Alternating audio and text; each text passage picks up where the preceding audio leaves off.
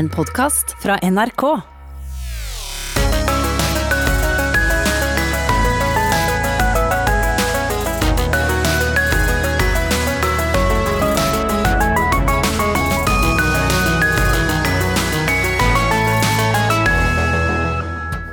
Han er fotballtreneren som mener at smittevernekspertene har tabba seg ut med de strenge tiltakene for norske fotballklubber. Han andre er TV-kommentatoren som ser hvordan tomme tribuner påvirker fotballspillerne. Hvorfor protesterer fotballfolk mer enn andre på smitteverntiltakene mot koronaviruset? Landslags- og Liverpool-stjerna Jon Arne Riise og tidligere landslagssjef Nils Johan Sem er dagens gjester i campingstolen.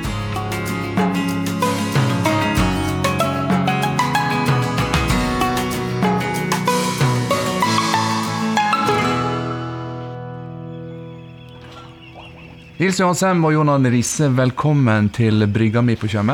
Takk for det.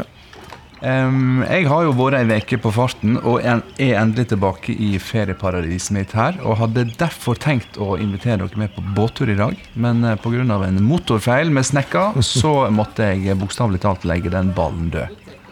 Er det greit? Det er helt ok. Nå sitter vi jo eh, på brygga på Grimestad. Vi sitter under tak fordi det er litt sånn eh, farlig skydekke. Mm, Men jeg kom på at bryggesleng Vi har jo to brygger, to pirer stikkende ut her. Bryggesleng er jo et uttrykk i eh, sjønær område. Det handler om å bare gå rundt og dingle på brygga og prate med folk som kommer inn med båt. Dere som bor henholdsvis på Nøtterøy og Åsgårdstrand, er dere flinke til å ta dere en bryggesleng innimellom? Ja, jeg er jo vokst opp i Åsgårdstrand, så, der- så jeg vokste vokst opp på brygga i Åsgårdstrand nesten, altså selv om jeg er fra en gård som er litt lenger unna. Men sommeren var jo bryggesleng hele sommeren, fra du gikk, var ferdig med skoleferien til du begynte på skolen igjen. Så det, det er jeg veldig vant til. Og fortsatt så er det jo slik, selv om jeg nå er mye på hytta som er i nærheten av Åsgårdstrand også, så er det deilig med en bryggesleng innimellom. Så det er et perfekt miljø å komme hit på sommeren og snakke litt fotball på, på brygga. Apropos bryggesleng og slenge. Jon Arne Riise, du var jo eh, for en stund siden ute og slang med leppa mot sjølvaste assisterende helsedirektør Espen Rostrup Nakstad. Ja. Der dreit han seg ut, sa du om et intervju som han hadde gjort med TV 2. Det er jo kraftig ordbruk om landets store koronahelt. Grunnen til at jeg reagerte, var når eh, Nakstad kommenterer at det er ikke nærkontakt som er issue, det er kioskkøa. Da åpner han opp for at vi skal, kan ta han litt. Eh, okay. For eh, vi har nå sittet og venta på å få trene normalt. Vi kan ennå ikke eh, trene sånn som vi har lyst til å gjøre. Og det, når han sier noe sånn, så åpner muligheten for at vi har lyst å bare begynne å trene. Eh, så Derfor var jeg ute med et innlegg som eh, tok han litt, og det, det står jeg for den dag i dag òg. For du mener at han faktisk tar feil? Eller? Ja, altså Eller måten han ordlegger seg på som irriterer deg? Hadde det vært pandemi og skikkelig smitte i Norge nå, så hadde jeg forstått alt sammen. Men vi som breddefotballklubb og jeg som trener og ser mine spillere hver dag, så er det tøft å se hva som åpnes opp i samfunnet, og hva som ikke gjør det. Og begrunnelsen for det. Og klart Når du kan gå på byen og feste og drikke og kose deg og, sånt, og stå i kø der, det er greit. Men å spille fotball eh, for oss i televisjon, det er ikke lov. Da, jeg ser ikke logikken i det. Eh, og når du vet at for regjeringa er breddefotball ekstremt viktig. Men per dags dato føler vi oss veldig glemt. Eh, og det har jeg sagt til gutta, og det er vanskelig for meg som trener å motivere gutta mine hver dag, fordi det kommer nye ting, og som er gikk ikke det denne uka her heller. Og da til slutt så sitter du og har ikke mer å si. Vi skal snakke mer om hvorfor fotballfolket tar sånn på vei når de må føye seg etter koronatiltakene. Nils Johan Sem, ehm, du står jo litt utafor her. Du er ikke så emosjonelt uh, prega, tror jeg, da.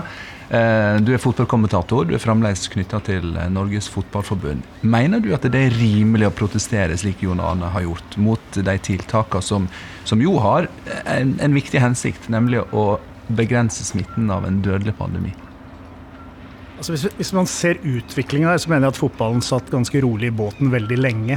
Eh, og tilpassa som resten av samfunnet. Det tror jeg var en styrke i Norge. Og jeg tror også at eh, myndighetene gjorde veldig mye riktig i starten. En evaluering vil sikkert vise at de kanskje tok for hardt i på noen områder når man skal evaluere alt, men jeg tror likevel at de har valgt en riktig strategi eh, når de gikk ut fra hoppet her, for da var det en alvorlig situasjon som du ikke hadde noen erfaring i, og jeg tror eh, de kommer til å komme godt ut av det. Men så åpner det seg opp etter hvert.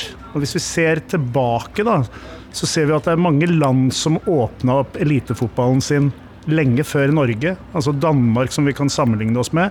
Men kan si at Norge kanskje lå enda bedre an i løypa i forhold til å få kontroll på situasjonen. Så åpna danskene opp elitefotballen sin tre uker tidligere enn en Norge. Og du starta jo med elitefotballen i alle landa. Og Østerrike gjorde det samme, også et land som har kommet ganske godt ut av det gjennom tiltak som har ligna Norges tiltak. Og så ser du de landene som har hatt store, store problemer, som har vært hardt ramma. Eh, altså, hvis du ser på Italia, Spania og England, som fortsatt er hardt ramma, så har de også starta opp elitefotballen sin samtidig med Norge. Mm. For eliteserien er jo i gang. Ja, ja. For, og det har på en måte vært I Norge var det et slags eh, De kalte det en pilot for resten av idretten, så fotballen gikk da ikke på Gikk ikke solo i det her.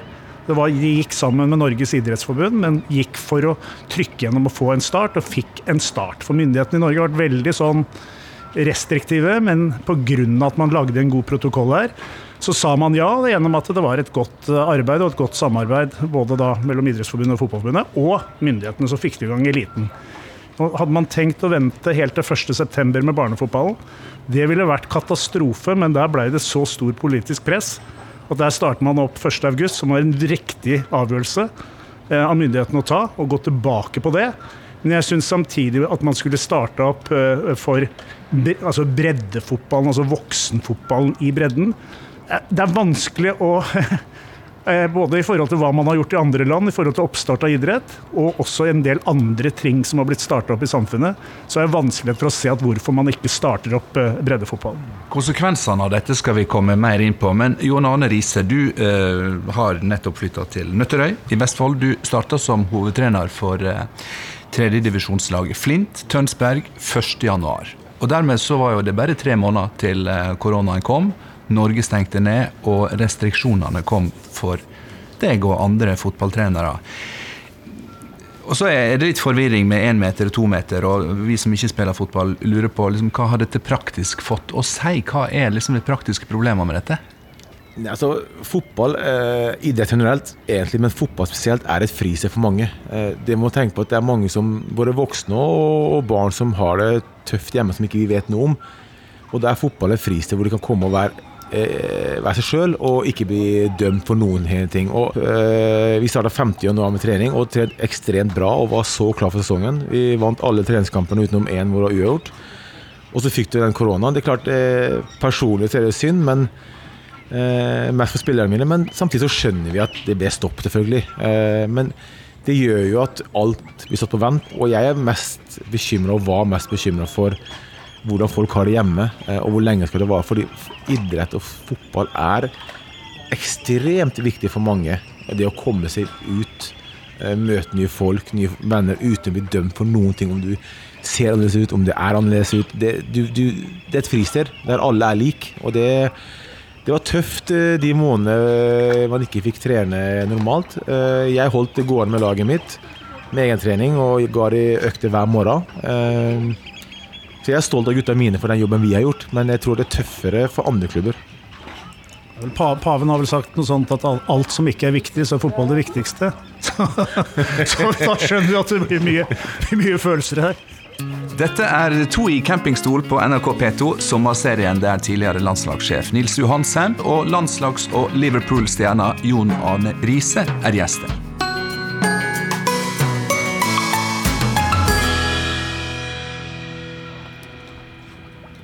Nils Johansem, eh, du siterte nettopp eh, salige pave Johannes eh, Paul, som slo fast at fotball er viktigere enn annet, annet uviktig. Men jeg tenker på det var jo på Løkken og fotballbanene de første brudda, iallfall som jeg registrerte, brudda på smitteverntiltak kom. Det var reportasjer om folk som braut seg inn bak hengelåsen for å få spille fotball. Da lurer jeg på, hva er det John Arne Riise er inne på det, men hva er det med fotballfolk som gjør at Dere krever å bli hørt når dere sier 'åpne opp igjen'. Eh, dere finner dere ikke i å føye dere etter disse tiltakene. Hva er det som ligger bak her? Ja, nå vil jeg jo si at Selv om du kan vise til eksempler som er helt riktig, så ble det jo tatt et oppgjør med det, og da syns jeg man reagerte ganske raskt, eh, heldigvis. At man fikk dette på, på plass igjen. Men, eh, men, nå har man kommet så langt i denne fasen. Man har på en måte man har sagt at man har kontroll på dette her. Man vil fortsatt være, altså Smitten er ikke borte, så det, man må ta alle disse forhåndsreglene og de tiltakene som man har vært veldig dyktig til i Norge. Men etterlever man dem, så tenker jeg sånn at da jeg mener tiden er for å åpne opp hele fotballen og hele idretten. Eh, eh, jeg syns tross alt at disiplin har vært ganske sterk, heldigvis, i den fasen vi har vært igjennom. Men ligger det òg noe her med at eh, fotballen har vel, så vidt jeg kan komme på, aldri blitt regulert? Altså Har det skjedd før i verden at man har forbudt folk å spille fotball? Jeg tror kanskje ikke engang under krigen så var det helt umulig å spille fotball, i motsetning til mange andre idretter. Mulig jeg tar feil her, men er dere litt for lite vant til å, å innfinne dere etter uh, strenge regler fra myndighetene?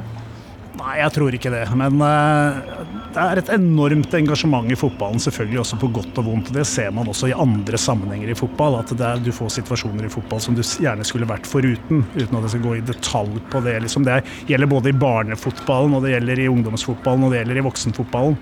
Men det betyr at det er veldig mye emosjoner, og det er veldig stort engasjement, og det er veldig mange som er involvert i fotball. Og dette betyr veldig, veldig mye for folk. Selv om mange vil si at det er ikke viktig. Jo, det er veldig viktig tross alt, selv om det ikke er, er, er viktig i sånn helhets, et større, et større bilde. da. Og så er det en annen ting her, og det er at det er penger i fotball. Og det vet jo du en del om, Jon Arne. Du har tjent dine millioner på profffotball utenlands. Ligger det også noe i dette engasjementet at mange norske klubber har dårlig råd, og at slike tiltak er bad for business? Ja, selvfølgelig blir det det, fordi eh, de fleste norske klubber er jo avhengig av sponsorer eh, og billettinntekter og alt det der, eh, og spillersalg. Eh, men jeg tror det viktigste er å tenke på at hvis man da hadde gått et helt år da, uten kamper da, med fotball, tenk alle talentene som kan miste sjansen til å bli god. For hvis du går et helt, helt, år uten kamp, da er nesten karrieren ferdig. Uh, og da må på talentene som da har muligheten til å eh, strekke seg. Klubbene som er avhengig av talentene faktisk får tre til kamper for å komme seg videre. Min jobb er å få fram to-tre spillere som kanskje neste år andredivisjon. Året etter er kanskje Obos, og så eliteserie. Det er det vi lever av, og det er det min jobb er. Med full stopp så var det umulig å gjøre det. For Jeg kunne ikke, jeg kunne ikke ringe en trener og si du må komme og se på han her. For det var ingen kamper. Uh, så, men klart, penger er viktig i fotball, det er uten tvil. Og, men det kommer av TV-penger. Eh, sponsorer, spillersalg. Eh, så selvfølgelig er penger viktig. Nils Johansheim, du har fremdeles 40 er det i Norges Fotballforbund. Eh, hvor, hvor, store tap på det økonomiske sida snakker vi om her? For norsk fotball? Det er vanskelig å svare eksakt på det. men Det er klart at det er store tap. Men der har også myndighetene vært inne og sagt at altså, altså, du skal kompenseres for ganske mye, spesielt bortfall av, av publikumsinntekter osv. Så, videre. så får man gjøre opp det regnestykket når man er tilbake til normalen, selv om også det nok er litt uh, fram i tid. Men vi snakker jo her om tross alt at dette er store arbeidsplasser i toppfotballen. Det er mange som, som, um, som har sin jobb i, i toppfotballen. Og det blir flere og flere som har sin jobb i breddeidretten også. Så dette er, eh, det er viktig, selv om vi sier at fotball ikke er så viktig, så er det viktig. Vi snakker om levebrød til folk, vi snakker om eksistensgrunnlaget til store, tradisjonsrike eh, klubber. Og vi snakker også om eksistensgrunnlaget til breddeklubber som tar imot barn og unge i, i hverdagen og gir dem et, en veldig meningsfull hverdag. Så det er, eh, det er alvorlig, det er det. Jon Arne Riise knaska jordbæra som jeg har satt fram på bordet. Jeg måtte poengtere i sted at eh, vi sjekka at det ikke er koronajordbær. Eh, det beklager du, Nils Johan, for du mente ja, det var de altså, beste jordbæra? Koronajordbær er de beste jordbæra. Jeg skal ikke si at koronaøl er det beste ølet. Men koronajordbær er definitivt best på smak, men det har dårlig holdbarhet. Nå er det bonden som snakker. Eliteserien i norsk fotball er i gang for lengst. Den starta i juni. Breddefotballen eh, måtte vente til Jon Arne Rises irritasjon. Vi skal snart eh, høre hvordan koronakrisa har prega Eliteserien. Dette er To i campingstol på NRK P2, sommerserien der tidligere landslagssjef Nils Johan Sem og landslagsstjerna Jon Arne Riise er gjester på brygga på Tjøme.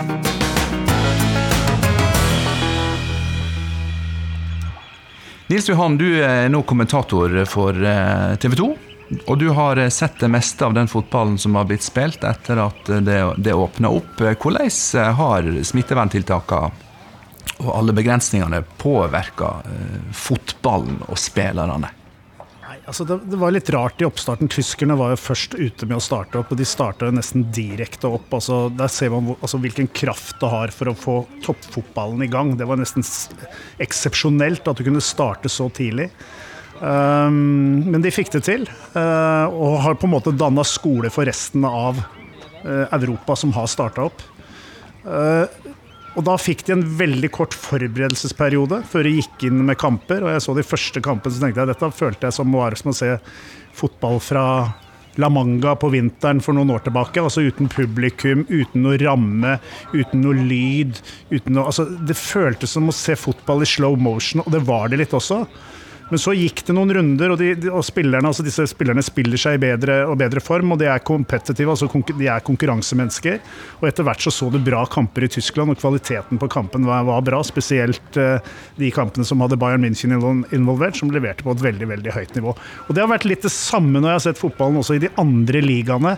Det har vært litt sånn uh, slow start, naturlig nok. Og så er det noe med at du det blir aldri eh, helt det samme når du ikke kan fylle tribunene, enten om det er 10 000 i norsk eliteserie, eller om det er 60 000 i Premier League, eller, eh, eller, whatever. Så gir det en ramme, det gir det ekstra kicket, det gir den derre emosjonelle greiene som du ikke får når du sitter og ser på det på, på TV eller er kommentator. Det, det, det klarer du ikke å erstatte. Jon Arne, du har jo eh, spilt eh, noe sånn som 230 drøyt kamper for Liverpool. Og du har 348. 348 for Liverpool? Da må noen eh, fortelle internett at ja, Jeg tror det er Premier League-kamper og sånne ting. Men eh, 348 kamper har jeg. For Liverpool. Og så har du eh, norgesrekord i antall landskamper. Ja. Eh, for, for norske A-laget. Og da lurer jeg på, hva, hva hadde karrieren de vært, som jo er helt eventyrlig, hva hadde den vært uten publikum? Jeg var jo en publikumsspiller. Altså, jeg elsker å kommunisere med publikum, eh, løpe en ekstra eh, løp i bakgrunnen for publikum, bare for å skape entusiasme. Eh, og jeg levde av å komme på oppvarminga, føle at det begynner å fylles opp. Det ga meg energi. Det ga meg skikkelig kick.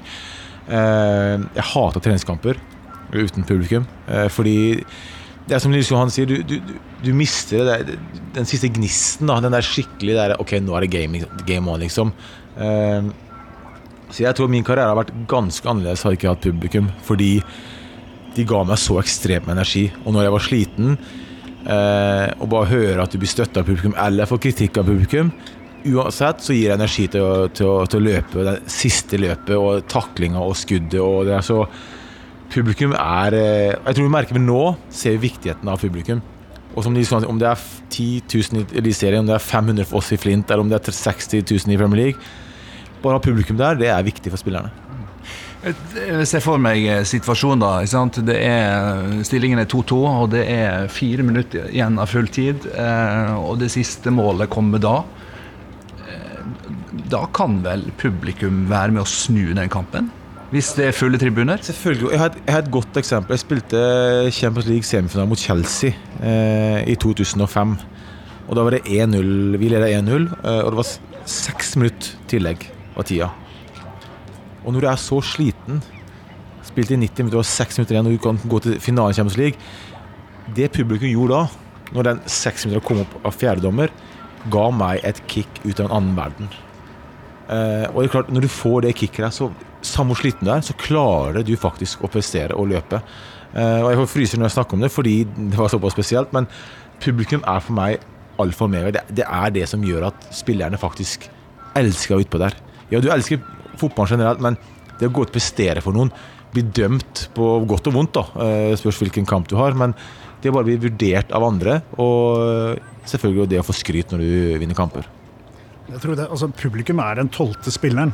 Altså, De løfter deg fram, du får en enorm energi. Og det er ikke altså, for, Først og fremst for spillerne, men også for, for støtteapparatet på benken som trener. Altså, altså teamet der. Når du har det trøkket på hjemmebane, så blir du løfta fram. Og det er ganske interessant å se en del statistikk nå på hjemme- og bortebane og de resultatene som er der. Altså Det er endringer på det. Ja, fortell om det, for dette har jeg hørt om. Altså, eh, skal man spille flere kamper før man eh, konkluderer på det, men i starten i disse ligaene så så man jo ekstremt stor forskjell på at det var ikke noe forskjell på hjemme- og bortebane. Og hva er det som gjør Altså Fotballbanen er jo lik overalt. Men forskjellen er at du spiller med et full stadion med publikum i ryggen hjemme. Eh, kanskje påvirker også noen dommeravgjørelser som altså, kan være marginale i en sånn situasjon. Det er helt menneskelig og helt uh, vanlig, det må du ta høyde for. Eh, og det er noe med Nei, det er den tolvte spilleren, og du beskriver det ganske godt. Og andre idrettsutøvere beskriver de også. De, altså det å spille uten publikum, da, da blir det en setting som blir eh, Det blir noe som Eller ikke noe, det blir veldig mye som mangler egentlig i i, i settingen. Så hvis publikumsrestriksjonene fortsetter og makstaket blir 200, så må en begynne å lete etter introverte, teknisk gode fotballspillere? da? ja, det er et bra spørsmål. Jeg tror ikke det endrer seg så mye. Forhåpentligvis er vi tilbake med publikum uh, før det går så langt. Men uh, jeg syns det er veldig fascinerende å se altså, hvor mye publikum betyr. Det er ikke noe overraskende for meg, men, uh, men det er en ekstrem inspirasjon for en spiller. Altså, en, du kan få ros av en trener, du kan få feedback av en medspiller. Alt det der, der betyr mye. Og det spiller og det får du jo nå når du spiller nå.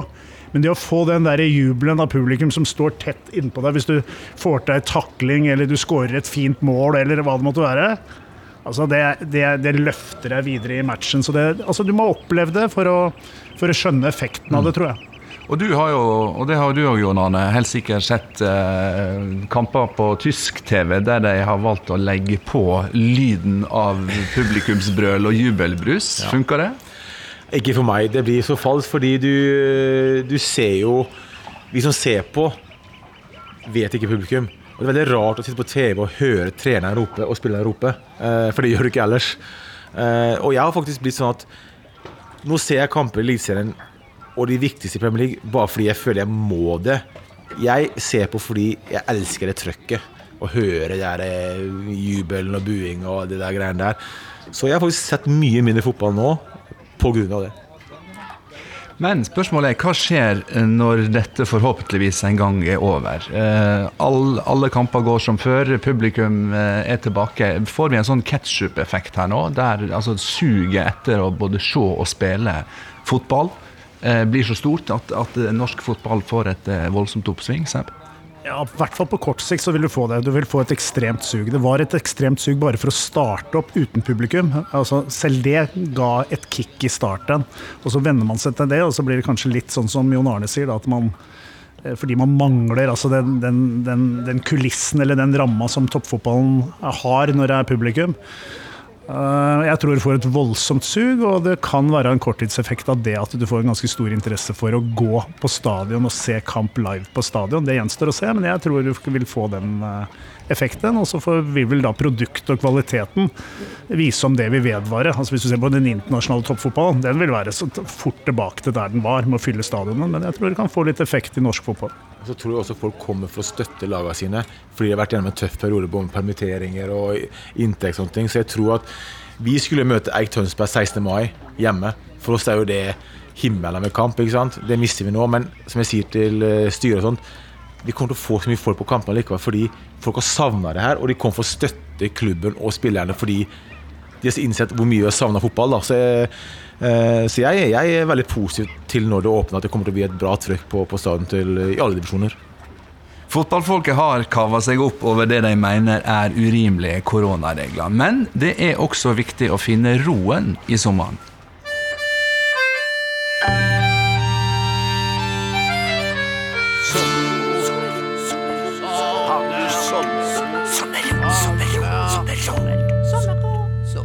Hei, campingstolen. Det her er Henning Sommerro. Jeg lurer på hvordan du finner sommerroen? Eh, ja, si det. Eh, det er mye, egentlig. Eh, for normalt så har jeg hatt fulgt opp med oppkjøring og kamper og den delen der. Eh, Men det å våkne opp og ikke ha noen planer for en dag, er digg. Det er bare å gå ut, fint vær. Eh, nå har jeg en 11 måneder gammel baby. Ta vogna og bare gå uten mål og mening. Eh, er digg. Eh, men det er klart, Tønsberg, Brygga Ta meg et kvarter og gå ned til Brygga. Eh, og gå ned der i sol og bare vite at jeg skal sitte og ta en fin lunsj og bare se på folk. Får du litt sånn publikumsrespons der òg, eller? Det blir, jo noen, det blir jo noen blikk og noen selfies og noen snikbilder, og sånne ting, men det er jeg vant til. Og jeg syns det var hyggelig at det blir sånn. Men jeg elsker å sitte på brygga og bare se på folk eh, uten noen planer. Det er ro for sjela. I morgen Nils Johan, så skal du få, få, fortelle hva som gir deg sommerro. For da møtes vi her på brygga igjen, forhåpentligvis i strålende sol. Og da skal vi snakke om glansdagene for det norske fotballandslaget. Eh, og der var jo du sentral, eh, for vi skal fokusere på at det nå er 20 år siden første og forvels siste gang Norge var i EM-sluttspill. Men sjansen kommer igjen til høsten. Hvordan vurderer du sjansene, hvis du skal si det på fem sekunder? Veldig optimistisk. Herlig. Produsent og linjedommer for dagens sending, Lars Erik Ersgaard Ringen. Programleder og spillende trener Håkon Haugsbø takker Nils Johansheim og Jon Arne Riise for i dag, og sier vel møtt tilbake i morgen på NRK P2.